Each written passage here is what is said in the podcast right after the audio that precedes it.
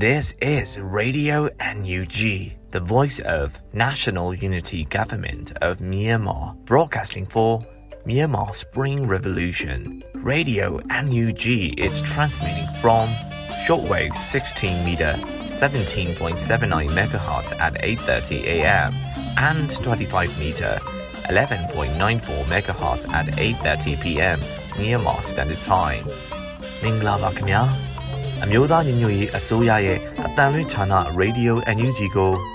မနက်ပိုင်း၈နာရီခွဲမှာလိုင်းတို16မီတာစက္ကန့်တက်သမ9 MHz ညပိုင်း၈နာရီခွဲမှာလိုင်းတို25မီတာ17တက်သမ6 MHz တို့မှာဓာတ်ရိုက်ဖမ်းယူနိုင်နိုင်ပါပြီမင်္ဂလာအပေါင်းနဲ့ပြည့်စုံကြပါစေ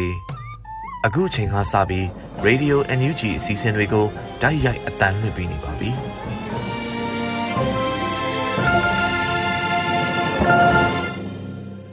မြန်မာနိုင်ငံသူနိုင်ငံသားအပေါင်းတဘာဝပြီးစစ်အာဏာရှင်ဘေးတို့ကနေကင်းဝေးပြီးကိုစိတ်နှဖျားကြမ်းမှလုံခြုံကြပါစေလို့ Radio NUG ဖွဲ့သားများကဆုတောင်းမေတ္တာပို့သလာရပါတယ်ရှင်။အခုဆက်လက်ပြီးကာကွယ်ရေးဝန်ကြီးဌာနရဲ့စီရေးတဲ့အကျဉ်းချုပ်ကိုဖုံးမြတ်နေဦးမှတင်ဆက်ပေးမှာဖြစ်ပါတယ်ရှင်။အမျိုးသားညီညွတ်ရေးအစိုးရကာကွယ်ရေးဝန်ကြီးဌာနမှထုတ်ဝေသော နေ့စဉ်စီရေးသတင်းအကျဉ်းချုပ်ကိုတင်ပြပေးတော့မှာဖြစ်ပါတယ်။ ကျွန်တော်ကတော့ဖုံးမြတ်ຫນွေဦးပါစစ်ကောင်စီနဲ့တိုက်ပွဲဖြစ်ပွားမှုသတင်းများမှာချင်းပြည်နယ်မှာမေလ3ရက်နေ့နေ့လယ်တနာရီမိနစ်20ခန့်ကမင်းတပ်မြို့နယ်မင်းတပ်မဒူပီလန်း56မိုင်တွင်စစ်ကောင်စီရင်တန်းနှင့် CDF မင်းတပ်တို့တိုက်ပွဲပြင်းထန်နေပြီးတိုက်ပွဲဖြစ်ပွားခြင်းတွင်စစ်ကောင်စီမှရဟတ်ရင်တစင်းပြန်တန်းခဲ့ကြောင်းသိရှိရသည်။စကိုင်းတိုင်းမှာမေလ2ရက်နေ့က မော်လိုက်မြို့နယ်တရက်ကုန်းကျေးရွာအနီးတွင်စစ်ကောင်စီတပ်ဖွဲ့ဝင်၄ဦးစီးနင်းလာသောဆိုင်ကယ်နှစ်စီးအားပြည်သူ့ကာကွယ်ရေးတပ်မတော်မော်လိုက်ခရိုင်နှင့်ပြည်သူ့ကာကွယ်ရေးတပ်ဖွဲ့မော်လိုက်တို့ပူးပေါင်းတိုက်ခိုက်ခဲ့ရာစစ်ကောင်စီလက်အောက်ခံရဲ၄ဦးသေဆုံးပြီး G3 G ကတ်90ခန့်သိမ်းဆဲနိုင်ခဲ့သည်ရန်ကုန်တိုင်းမှာမေလ2ရက်နေ့နေ့လယ်3:40ခန့်ကကော်မူးမြို့နယ်ကြိုက်ထော်လမ်းမှဘုံချင်းကွေ့တွင် စစ်ကောင်စီတပ်မှရင်နစည်းကိုအမည်မသိအဖွဲ့မှပစ်ခတ်တိုက်ခိုက်ခဲ့ပြီးစစ်ကောင်စီတပ်သား2ဦးတည်းမင်းတေဆုံးခဲ့ကြောင်းသိရှိရသည်အခုဆက်လက်ပြီးစစ်ကောင်စီမှကျူးလွန်နေသော ရာဇဝတ်မှုသတင်းများကိုတင်ဆက်ပေးသွားမှာဖြစ်ပါတယ်ရှမ်းပြည်နယ်မှာမေလ2ရက်ညနေ4နာရီခန့်ကမူဆယ်မြို့နယ်မူဆယ်မြို့တောင်ပိုင်းရပ်ကွက်တွင်နေထိုင်သည့်အမျိုးသမီးတဦးအား၎င်း၏လူမှုစာမျက်နှာပေါ်တင်ထားသည့်သတင်းကြောင့်စစ်ကောင်စီလက်အောက်ခံစာရဖကား ၃စီးဖြင့်လာရောက်ဖမ်းဆီးသွားကြောင်းသိရှိရသည်။စကိုင်းတိုင်းမှာမေလ3ရက်နေ့ကကောလင်းမြို့နယ်တစ်စိန်ကုန်းကျေးရွာသို့စစ်ကောင်စီတပ်သားများဝင်ရောက်ခဲ့ပြီးလူနေအိမ်များကိုမီးရှို့ဖျက်ဆီးခဲ့သည်။မေလ3ရက်နေ့နေ့လယ်3နာရီခန့်ကကလေးမြို့နယ်ရှားဘူကျေးရွာသို့စစ်ကောင်စီ MI35 နှစ်စီးဖြင့်ဘုံကျဲပြီးစစ်လက်နက်များဖြင့်ပစ်ခတ်ခဲ့သည်။ မေလ2ရက်နေ့ညနေ9:59ခန့်ကကမ်ဘလီမြို့နယ်ကိုးတောင်ဖို့ကျေးရွာရွာသည့်ရက်ကွက်မှနေအိမ်တချို့အားစစ်ကောင်စီတပ်သားများမှမီးရှို့ဖျက်ဆီးခဲ့သည်မေလ2ရက်နေ့ရွှေဘုံမြို့နယ်စိတ်ခွန်ကျေးရွာသို့စစ်ကောင်စီတပ်သားများဝင်ရောက်ခဲ့ပြီးကျေးရွာသားကိုရှိုင်းအပါအဝင် ပြည်သူ6ဦးအားတပ်ဖြတ်ခဲ့သည်ကျေးရွာနီးနားတွင် ပြူစောတိတပ်ဖွဲ့ဝင်များလှည့်လည်သွားလာနေသဖြင့်ရုပ်အလောင်းများကောက်ယူရန်မဖြစ်နိုင်သေးကြောင်းသိရှိရသည်မေလ2ရက်နေ့ညနေ6နာရီခန့်ကကလေးမြို့နယ်ရှားဘူကျေးရွာတင်သားကျေးရွာများသို့ကျန်သာကျေးရွာရှိစစ်ကောင်စီတပ်သားများမှလက်နက်ကြီးများဖြင့်ပစ်ခတ်ခဲ့ရာရှားဘူကျေးရွာရှိပြည်သူပိုင်းနေတလုံးမီးလောင်ပျက်စီးသွားခဲ့ပြီးရှားဘူကျေးရွာစစ်ဆောင်ကလေးငယ်3ဦးကိုစစ်ကောင်စီတပ်သားများမှပစ်တက်ခဲ့သည်မကွေးတိုင်းမှာမေလ2ရက်နေ့က ရေစကြိုမျိုးနယ်တွင်ပြည်သူပိုင်နေငါးလုံးကိုစစ်ကောင်စီများကချိတ်ပိတ်ခဲ့သည်မေလ2ရက်နေ့ကမင်းဘူးမြို့နယ်မင်းဘူးမြို့အမှတ်၄ရပ်ကွက်မှအမျိုးသား9ဦးအား PDF ဟုစွပ်စွဲကစစ်ကောင်စီများကဖမ်းဆီးခဲ့သည်မေလ2ရက်နေ့မနက်ပိုင်းကစေတုတ်ထရာမြို့နယ်အော်ဝေါ်ကျေးရွာမှရွာသား2ဦးကိုစစ်ကောင်စီမှဖမ်းဆီးခဲ့သည်မန္တလေးတိုင်းမှာမေလ2ရက်နေ့ကမဟာအောင်မြေမြို့နယ်38လမ်း38လမ်းကြား 84လမ်းနှင့်85လမ်းကြားရှိဝင်းထဲသို့အမှတ်6ရဲစခန်းမှရဲများနှင့်ပြူစောထီများပူးပေါင်းပြီးဝင်းအတွင်းရှိလူငယ်တချို့အားမတအားဖမ်းဆီးခဲ့သည်တနင်္သာရီတိုင်းမှာမေလ2ရက်နေ့ည9:40ခန့်ကဗိမ့်မြို့နယ်ဗိမ့်မြို့ဇေယသီတရက်ကွက်တွင်ရဲရင်နိုင်အမည်ရှိသည့်လူငယ်တဦးအားဖမ်းဆီးခေါ်ဆောင်သွားသည်မနေ့10နာရီခန့်ကဗိမ့်မြို့နယ်ဗိမ့်မြို့ကံပေါင်ရိုးရက်ကွက်ဖျားကိုင်းလန်းရှိ ရွှေစည်းကွက်လျှက်စစ်ပစ္စည်းဆိုင်အရှိနာတွင်အမျိုးသားနှုတ်စီလာသည့်ဆိုင်ကယ်တစ်စီးအားလက်နက်ကိုင်အရက်ဝတ်စစ်ကောင်စီတပ်များမှကားဖြင့်တိုက်၍ဖမ်းဆီးခေါ်ဆောင်သွားခဲ့သည်အခုတင်ဆက်ပေးသွားသောသတင်းများကိုမြေပြင်သတင်းတာဝန်ခံများနှင့်သတင်းဌာနများမှရရှိလာသောအချက်အလက်များပေါ်အခြေခံ၍ပြုစုတင်ပြပေးသွားတာဖြစ်ပါတယ်ကျွန်တော်ကတော့ဖုံးမြက်ຫນွေဦးပါ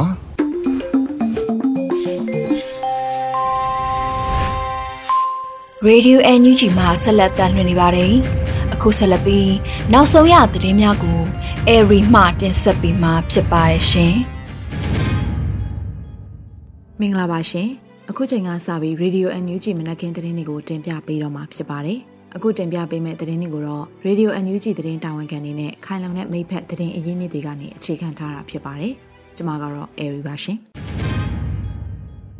ပထမဆုံးအနေနဲ့အကြမ်းဖက်စစ်အုပ်စုအနေနဲ့သတင်းမီဒီယာတိုက်ပွဲမှာကြီးစွာသောရှုံးနိမ့်မှုကိုရင်ဆိုင်နေရတယ်လို့ယာယီသမရပြောကြားလိုက်တဲ့သတင်းကိုတင်ပြပေးပါမယ်။အကြမ်းဖက်စစ်အုပ်စုအနေနဲ့သတင်းမီဒီယာတိုက်ပွဲမှာကြီးစွာသောရှုံးနိမ့်မှုကိုရင်ဆိုင်နေရတယ်လို့မေလ3ရက်နေ့ကမ္ဘာသတင်းလွတ်လပ်ခွင့်နေ့သတင်းထုတ်ပြန်ချက်မှာယာယီသမရဒိုဝါလက်ရှိလာကပြောကြားလိုက်တာဖြစ်ပါတယ်။အကြမ်းဖက်စစ်အုပ်စုအနေနဲ့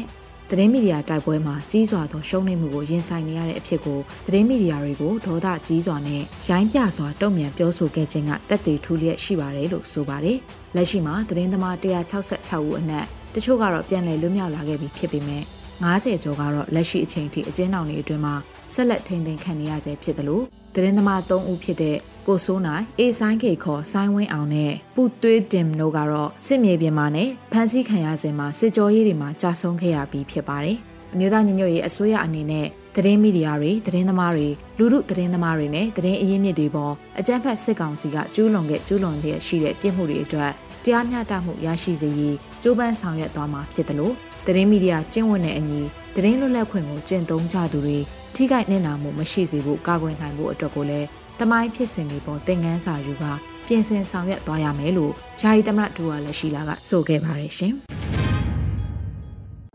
ဆက်လက်ပြီးအာနာရှင်စစ်ကောင်စီနဲ့ဆွေးနွေးရင်နှစ်တရာလဲအောင်မြင်မှာမဟုတ်ဘူးလို့အစိုးရအဖွဲ့အစည်းအဝေးမှာယာယီသမရကပြောကြားလိုက်တဲ့သတင်းကိုတင်ပြပေးပါမယ်။အာနာရှင်စစ်ကောင်စီနဲ့ဆွေးနွေးရင်နှစ်တရာကြာလဲအောင်မြင်မှာမဟုတ်ဘူးလို့မေလ3ရက်နေ့အမျိုးသားညီညွတ်ရေးအစိုးရရဲ့52ကြိမ်မြောက်အစိုးရအဖွဲ့အစည်းအဝေးကျင်းပရာမှာယာယီသမရဒူဝါလက်ရှိလာကပြောကြားခဲ့တာပါ။ ပြည်သူလူထုတရက်လုံးပြင်းပြင်းထန်ထန်ကန့်ကွက်နေတဲ့စစ်အုပ်စုကဖော်ဆောင်မဲ့ရွေးကောက်ပွဲလုပ်ငန်းစဉ်တွေမှာလုံးဝမပါဝင်မှုအရေးကြီးပါကြောင်းအာဏာရှင်စစ်ကောင်စီနဲ့ဆွေးနွေးရင်နှစ်တရာလည်းအောင်မြင်မှာမဟုတ်ကြောင်းချမှတ်ထားတဲ့ကတိတွေတည်မြဲမှာမဟုတ်ပါကြောင်းနှစ်90ကျော်ကြာအတွေ့အကြုံတွေကိုတတိယလျက်အချိန်တို့အတွင်းမှာကမ်းလှမ်းမျှဝေတဲ့ဂတိကဝတ်တွေကိုအထူးသတိထားရှောင်ရှားကြဖို့တတိချက်စေလိုကြောင်းမိမိတို့အစိုးရအနေနဲ့တိုင်းပြည်ရှေ့ရေးအတွက် ရေရှည်တည်မြဲနိုင်မဲ့ဂတိကဝတ်တွေအကောင့်ထဲဖော်နိုင်မှုအင်အားစုတွေနဲ့ချိတ်ဆက်ဆောင်ရွက်နေတာဖြစ်ပါကြောင်းဂရီကဝတ်တွေလက်တွေ့အကောင့်ထဲဖော်လာနိုင်မှုမဟာအတားအဆီးဖြစ်တဲ့အာနာရှင်စစ်အုပ်စုကိုဖယ်ရှားရမှာဖြစ်ကြောင်းယာယီသမရကပြောကြားခဲ့တာပါလက်ရှိမှာစစ်ကောင်စီဟာတိုင်းသားလက်နက်ကိုင်အဖွဲ့တွေကိုသူကိုယ်တိုင်တွေးပါမယ်လို့ဆိုထားပေမဲ့လည်းမတရောက်ဘူးလို့အင်အားကြီးမားတဲ့တိုင်းရင်းသားအဖွဲ့တွေကဆိုထားကြတယ်လို့သိရှိရပါတယ်ရှင်။ အခုတခါအစိုးရအဖွဲ့အနေနဲ့တော်လိုင်းရင်အင်အားစုတွေအချင်းချင်းကြားမှာနားလည်မှုလွဲမှားပြီးဖြစ်ပေါ်လာတဲ့အခြေအနေတွေကိုဖြည့်ရှင်းပေးဖို့ပြည်ထောင်စုဝန်ကြီးချုပ်ကမှာကြားတဲ့သတင်းကိုတင်ပြပေးပါမယ်။မေလ3ရက်နေ့မှာကျင်းပတဲ့အမျိုးသားညီညွတ်ရေးအစိုးရရဲ့52ကြိမ်မြောက်အစိုးရအဖွဲ့အစည်းအဝေးမှာပြည်ထောင်စုဝန်ကြီးချုပ်မန်ဝင်းခိုင်တန်းကအစိုးရအဖွဲ့အနေနဲ့တော်လိုင်းရင်အင်အားစုတွေအချင်းချင်းကြားမှာနားလည်မှုလွဲမှားပြီးဖြစ်ပေါ်လာတဲ့အခြေအနေတွေကိုဖြည့်ရှင်းပေးဖို့မှာကြားခဲ့တာပါ။ အစိုးရဖွဲ့အနေနဲ့တော်လိုင်းရေးအင်အားစုတွေအချင်းချင်းကြားမှာနားလည်မှုလွဲမှားပြီးဖြစ်ပေါ်လာတဲ့အခြေအနေတွေအပေါ်မှာလည်းမြ мян ဆန်ဆန်နဲ့ထိထိရောက်ရောက်ဖြေရှင်းပေးကြဖို့သက်ဆိုင်ရာကဏ္ဍအလိုက်ဝင်ကြီးဌာနတွေကိုတိုက်တွန်းလိုပါတယ်။ဝင်ကြီးဒုဝင်ကြီးတွေမှာအလုပ်တွေများပြီးအချိန်နည်းတယ်ဆိုတာကလည်းကောင်းကောင်းသိပါတယ်။နောက်ကပံ့ပိုးကူညီနိုင်မဲ့လူသားအရှင်းမြစ်ကလည်းအကန့်အသတ်ရှိတာအမှန်ပါပဲ။ဒါပေမဲ့လည်းအခက်ခဲတွေကြားကနေပဲဆက်လက်ပြီးကြိုးကြိုးဆဆအားထုတ်ပေးကြဖို့လဲမြစ်တာရက်ခံလိုပါတယ်လို့ဆိုထားပါတယ်။ လက်ရှိမှာတိုင်းရင်းသားနယ်မြေကကာကွယ်ရေးတပ်ဖွဲ့တွေအနေနဲ့လက်နက်ရရှိလိုမှုနဲ့ထောက်ပံ့ပေးမှုအပိုင်းကိုအရေးတကြီးလိုအပ်နေကြောင်းလည်းသိရှိရပါတယ်။တော်လှန်ရေးမှာအချိန်တိုင်းနေ့ရက်တိုင်းကအရေးကြီးနေတာကြောင့်အချိန်မီတုံ့ပြန်မှုလိုအပ်တာတွေဖြည့်ရှင်းမှုလိုအပ်တာတွေအတွက်အချိန်မဆိုင်မဲ့စီမံဆောင်ရွက်မှသာကျွန်တော်တို့ပန်းနိုင်ကိုမြန်မြန်ရောက်နိုင်မှာဖြစ်ပါတယ်လို့ဝန်ကြီးချုပ်ကဆိုခဲ့ပါတယ်ရှင်။ ဆက်လက်ပြီးကုလသမဂ္ဂအထွေထွေအတွင်းရေးမှူးချုပ်ရဲ့မြန်မာနိုင်ငံဆိုင်ရာအထူးကိုယ်စားလှယ်ဒေါက်တာနိုလင်ဟေဇာကိုပြည်ထောင်စုလွှတ်တော်ကိုစားပြုကော်မတီဥက္ကဋ္ဌလက်ခံတွေ့ဆုံခဲ့တဲ့တဲ့ရင်ကိုတင်ပြပေးပါမယ်။ပြည်ထောင်စုလွှတ်တော်ကိုစားပြုကော်မတီဥက္ကဋ္ဌဦးအောင်ကြည်ညွန့်ဟာကုလသမဂ္ဂအထွေထွေအတွင်းရေးမှူးချုပ်ရဲ့မြန်မာနိုင်ငံဆိုင်ရာအထူးကိုယ်စားလှယ်ဒေါက်တာနိုလင်ဟေဇာကိုမေလ3ရက်နေ့မနက်မြန်မာစံတော်ချိန်8နာရီအချိန်မှာဗီဒီယိုကွန်ဖရင့်ကတဆင့်လက်ခံတွေ့ဆုံခဲ့ပါတယ်။ အဆိုပါတွေ့ဆုံမှုမှာမြန်မာနိုင်ငံရဲ့အခြေအနေတွေနဲ့ဆက်လင်းပြီးစစ်ပေးရှောင်ပြည်သူတွေအတွက်ကျန်းမာရေးစောင့်ရှောက်မှုအပါအဝင်လူသားချင်းစာနာထောက်ထားမှုဆိုင်ရာအကူအညီတွေပေးအပ်နိုင်ရေးကိစ္စတွေအရက်သားအစိုးရအုပ်ချုပ်မှုစီကိုပြန်လည်ရောက်ရှိစေဖို့အားလုံးပါဝင်တဲ့အဖြေတွေရှာဖွေရေးဖြစ်ပွားနေတဲ့ပြည်ပခါတွေအကြမ်းဖက်မှုတွေရပ်တန့်ရေးနဲ့နိုင်ငံရေးအကျဉ်းသားတွေလွတ်မြောက်ရေးဒေသတွေနဲ့နိုင်ငံတကာအတိုင်းအဝန်ကကူညီဆောင်ရွက်ပေးတဲ့ကိစ္စရပ်တွေပေါ်ဆွေးနွေးဖလှယ်ခဲ့ကြပါတယ်။ဆွေးနွေးမှုမတိုင်မီမှာ ပြည်အောင်စုလွှတ်တော်ရဲ့လုပ်ငန်းဆောင်ရွက်မှုတွေကိုရှင်းလင်းတင်ပြခဲ့ပြီးအထူးကိုယ်စားလှယ်ကသူ့ရဲ့လုပ်ငန်းတာဝန်နဲ့ဆောင်ရွက်ချက်တွေကိုရှင်းလင်းတင်ပြခဲ့တာပါ။တွဲဆုံမှုကိုပြည်အောင်စုလွှတ်တော်ကိုစားပြုကော်မတီဥက္ကဋ္ဌနဲ့အတူအတွင်းရေးမှူးအဖွဲ့ဝင်တွေဖြစ်ကြတဲ့ဒေါ်ဖြူဖြူသိန်းနဲ့မိုင်းလာမင်းထွန်းဥပဒေရေးရာကော်မတီဥက္ကဋ္ဌပြည်သူ့ရေးရာကော်မတီဥက္ကဋ္ဌဒေါက်တာခင်ဆိုးဆိုးကြီးဖက်ဒရယ်ရေးရာကော်မတီဥက္ကဋ္ဌ ဦးလမနော်အောင်နဲ့နိုင်ငံတကာဆက်ဆံရေးကော်မတီဥက္ကဋ္ဌဒေါ်မြတ်တီတာထွန်းတို့တက်ရောက်ခဲ့ကြတယ်လို့သတင်းရရှိပါတယ်ရှင်။အခုတခါပြည်သူ့ရဲတပ်ဖွဲ့ဥပဒေပြည်ထောင်စုလွှတ်တော်ကအတည်ပြုပြဋ္ဌာန်းဆိုတဲ့သတင်းကိုတင်ပြပေးပါမယ်။ပြည်သူ့ရဲတပ်ဖွဲ့ဥပဒေကိုပြည်ထောင်စုလွှတ်တော်ကအတည်ပြုပြဋ္ဌာန်းလိုက်တယ်လို့မေလအတွင်းမှာပြည်ထောင်စုလွှတ်တော်ကိုစားပြုကော်မတီရဲ့သတင်းထုတ်ပြန်ချက်အရသိရှိရပါတယ်။မေလ2ရက်နေ့မှာအမျိုးသားညီညွတ်ရေးအစိုးရပြည်ထရေးနဲ့လူဝင်မှုကြီးကြပ်ရေးဝန်ကြီးဌာနက ဖော်ပြပါရည်ရွယ်ချက်တွေနဲ့ပေးပို့လာတဲ့ပြည်သူ့ရဲတပ်ဖွဲ့ဥပဒေကိုပြည်ထောင်စုလွှတ်တော်ကအတည်ပြုပြဋ္ဌာန်းလိုက်တယ်လို့ဖော်ပြထားပါတယ်။ပြည်သူ့ရဲတပ်ဖွဲ့ဥပဒေပြဋ္ဌာန်းရခြင်းရည်ရွယ်ချက်မှာအဓမ္မအာဏာသိမ်းယူခဲ့သောစစ်အာဏာရှင်တစုအားဥပဒေနဲ့အညီထိရောက်စွာအရေးယူနိုင်ရန်အဓမ္မအာဏာသိမ်းယူထားစဉ်ကာလအတွင်းစစ်ကောင်စီနှင့်၎င်းတို့၏လက်အောက်ခံဝန်ထမ်းများမှပြည်သူလူထုအပေါ်လူမျိုးတုံးတပ်ဖြတ်မှုများဥပဒေမဲ့ညှဉ်းပန်းနှိပ်စက်တပ်ဖြတ်မှုများမရင်းကျင့်မှုများမိရှုဖျက်ဆီးမှုများ လူရဲမှုများနဲ့တည်ဆဲဥပဒေတရရက်ကိုဖောက်ဖျက်ကျူးလွန်မှုများအားဖော်ထုတ်အရေးယူရန်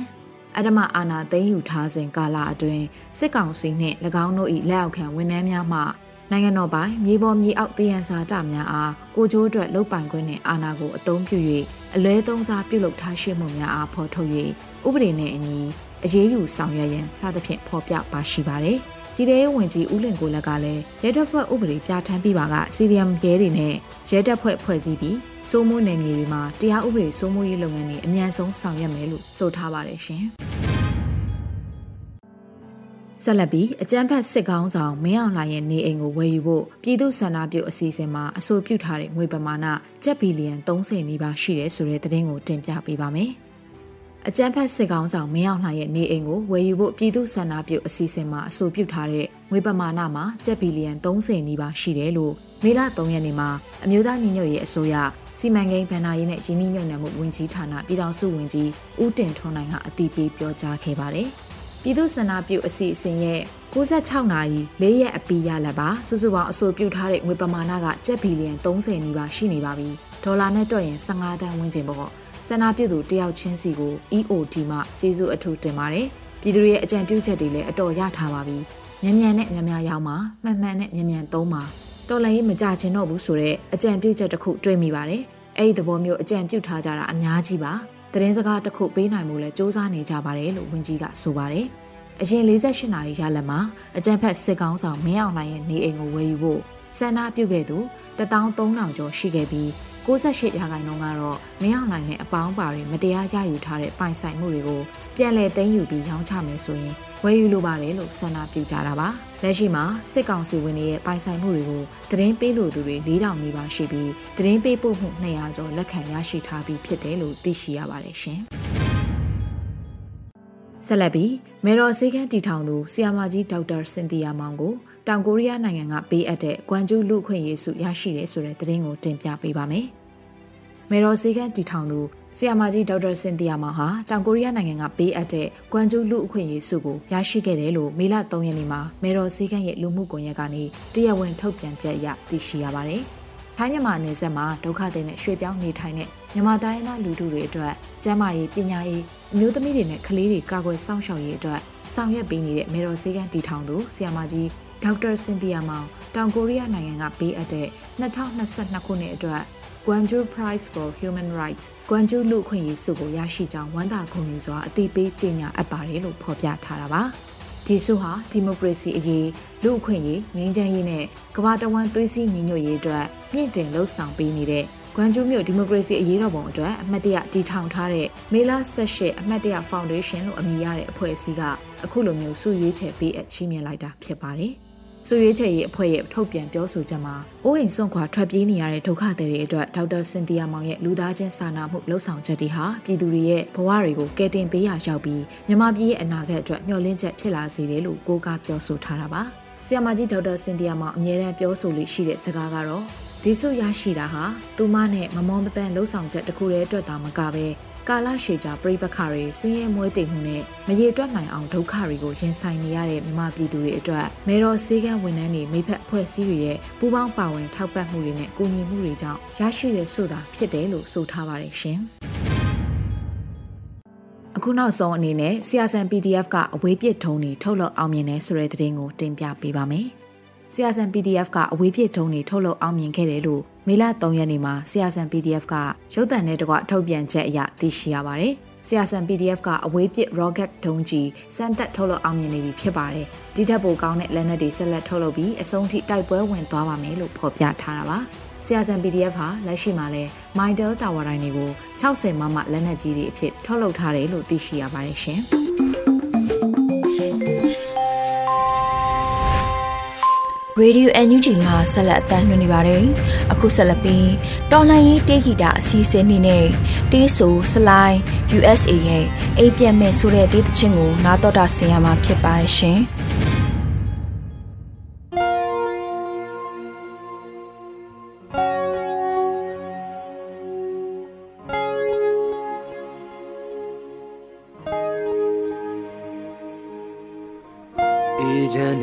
စိတ်လန်းနေမြေတောင်တန်းပေါ်ကသစ္စာတရားမြေရိုးမြေရင်ချမ်းနေငရိုးရဲ့အတိုင်းငယ်အရက်ဆက်ဆုံးအထီနာခဲ့တယ်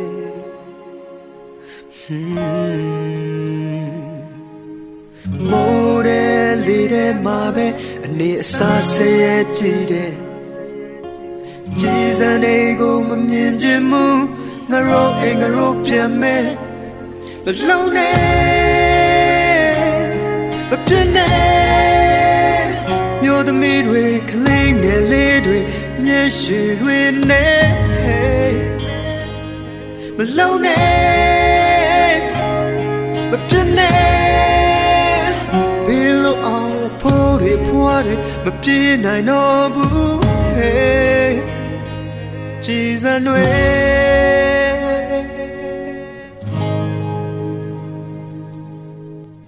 ရဲ့တွေမတွေ့ခြင်းလက်တွေအရေးရင်ဆုံးသက်တည်သွေးနေဘယ်တော့မှတူမထောက်ခဲ့ဆုံးရှုံးသွားတဲ့တမိုးကြီးရဲ့သက်တွေအောင်မေလို့လေးပြူရင်လေး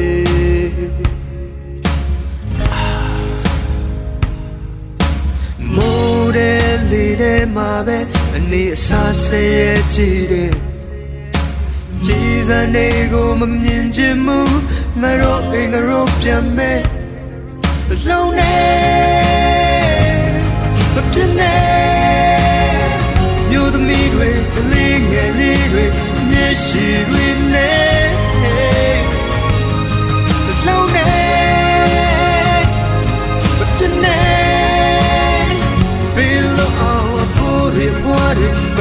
နိုင်တော့ဘူး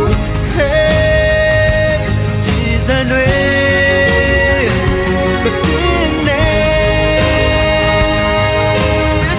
ရင်ကျတဲ့ပိုင်းညုံတစ်ခုကိုပြန်ပေး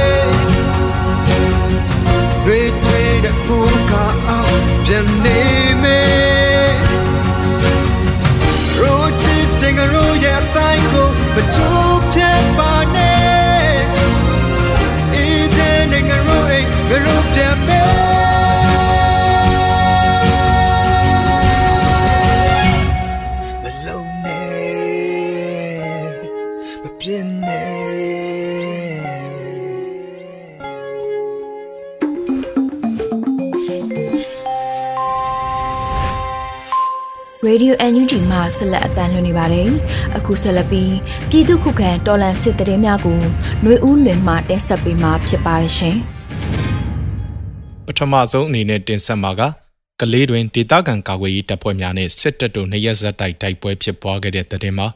စကိုင်းတိုင်းကလေးမျိုးအရှိစည်းရွာနဲ့ရှားပူရွာအနီးအနားမှာကျန်းဘတ်စစ်တပ်နဲ့ CDF PDF ပူးပေါင်းတပ်ဖွဲ့တို့ မေလ၁ရက်နဲ့၂ရက်နေ့တို့မှာတိုက်ပွဲများဖြစ်ပွားခဲ့ပြီးစစ်သား၁၀ဦးသေဆုံးခဲ့က PDF ကလေးတပ်ဖွဲ့ဝင်တဦးကြာဆုံးပြီးစစ်တပ်ကပစ်ခတ်တဲ့လက်နက်ကြီးထိမှန်ပြီးအသက်15နှစ်အရွယ်အမျိုးသမီးတဦးသေဆုံးခဲ့ကြောင်းဒေသခံ CDF တပ်ဖွဲ့များကဆိုပါတယ်။အရှိစည်းရွာအနီးနားမှာမီလာတရက်နေ့မနက်6နာရီခန့်မှာတိုက်ပွဲစတင်ဖြစ်ပွားခဲ့ပြီးအကြမ်းဖက်စစ်တပ်နဲ့ပြူစောထီများကခြေချင်းစစ်ကြောင်းထိုးလာစဉ်ဒေသခံကာကွယ်ရေးတပ်များကပြစ်ခတ်တိုက်ခိုက်ခဲ့ပြီး တိုက်ပွဲဖြစ်ပွားခဲ့ကစစ်သား9ဦးသေဆုံးပြီး CDF KKG တပ်ဖွဲ့ဝင်တဦးကြာဆုံးခဲ့ကြောင်းသိရတာပါ။ရှားဘူရွာအနီးတိုက်ပွဲဟာမီလာနှစ်ရက်နံနက်ပိုင်းကစတင်ကဖြစ်ပွားခဲ့ပြီးစစ်တပ်ဟာအောင်မင်္ဂလာရွာဘက်ကရှားဘူရွာကိုစစ်ကြောင်းထိုးပြီးတက်လာတဲ့ကြောင့်တဏီကုံတိုက်ပွဲပြင်းထန်ခဲ့ပြီးစစ်သား9ဦးသေဆုံးခဲ့ကတနက်လေးလက်သိမ်းစီရမိခဲ့ကြောင်းသိရပါတယ်။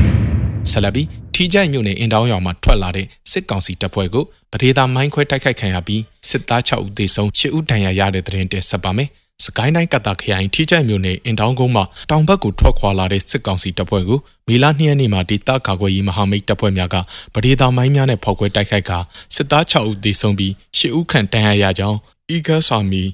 HPDF ကသတင်းထုတ်ပြန်ပါတယ်။ အဆိုပါစစ်ကောင်စီတပ်ဖွဲ့ဟာအေဂျင့်လွင်ရွာမှာအင်တောင်းရွာဘက်ကိုထွက်ခွာလာစဉ် Eagles Army HPDF နဲ့3နာရီခန့်တိုက်ပွဲဖြစ်ပွားခဲ့သေးကြောင်းသိရှိရပါတယ်။အင်တောင်းကုန်းကပြန်လည်ထွက်ခွာလာစဉ်မှာပဒေသာမိုင်းနှလုံးနဲ့ပထမအကြိမ်ဖောက်ခွဲတိုက်ခိုက်ခဲ့ကြောင်းဘိုးရဲရွာအနီးမှာ Eagles Army HPDF နဲ့မဟာမိတ်တပ်ဖွဲ့များကမိုင်းများဖောက်ခွဲတိုက်ခိုက်ခဲ့ကြောင်းစစ်သား6ဦးပွဲချင်းပြီးတေဆုံးပြီး10ဦးခန့်ဒဏ်ရာရကြောင်း Eagles Army HPDF ကသတင်းထုတ်ပြန်ပါတယ်။မော်လိုက်ပန်းသာရဲစကန် တိုက်ခိုက်ခံရတဲ့တဲ့ရင်ဆက်လက်တင်ဆက်မှာပါ။မော်လိုက်ခရိုင်မော်လိုက်မြို့နယ်ပန်းသာကျွော်ရှိအကြမ်းဖက်စစ်ကောင်စီလက်အောက်ခံရဲစခန်းကိုဒေသကာကွယ်ရေးတပ်ဖွဲ့တစ်ခုကမေလ2ရက်နေ့မှာဝင်ရောက်တိုက်ခတ်ခဲ့ပြီးဒူရဲအုပ်အပါအဝင်3ဦးသေဆုံးသွားပြီးစခန်းတွင်းရှိစစ်သားနဲ့ရဲများဒဏ်ရာရရှိကြောင်းဒေတာသတင်းရင်းမြစ်များထံမှသိရှိရပါတယ်။ဒေတာကာကွယ်ရေးအဖွဲ့တွေအထိကိမရှိပြန်လည်ဆုတ်ခွာနိုင်ခဲ့တယ်လို့ဆိုပါတယ်။ နောက်ဆုံးအနေနဲ့ရေမျက်နှာရဲစခန်းကို YDF ထီလင်းတိုက်ခိုက်စစ်ကောင်စီတပ်ဖွဲ့ဝင်2ဦးသေဆုံး2ဦးဒဏ်ရာရတဲ့တဲ့တင်ဆက်ပေးမှာပါ။မကွေးတိုင်းထီလင်းမြို့နယ်ရေမျက်နှာရဲစခန်းကိုယမန်နေ့မေလ2ရက်နေ့နနက်9နာရီခန့်မှာပြစ်ခတ်တိုက်ခိုက်ခဲ့တဲ့ဗီဒီယိုကို YDF ထီလင်းကယနေ့ထုတ်ပြန်ခဲ့ပါတယ်။ မိနစ်30ခန့်တိုက်ပွဲဖြစ်ပွားပြီးကနဦးမှာအကြမ်းဖက်စစ်တပ်မှတအုပ်သေဆုံးကနှစ်ဦးဒဏ်ရာရတယ်လို့သိရပြီးယနေ့မှာဒဏ်ရာရသူတအုပ်ထပ်မံသေဆုံးတာကြောင့်နှစ်ဦးသေဆုံးကြောင်း YDF ထီလင်းထံမှသိရှိရတာပါခင်ဗျာ။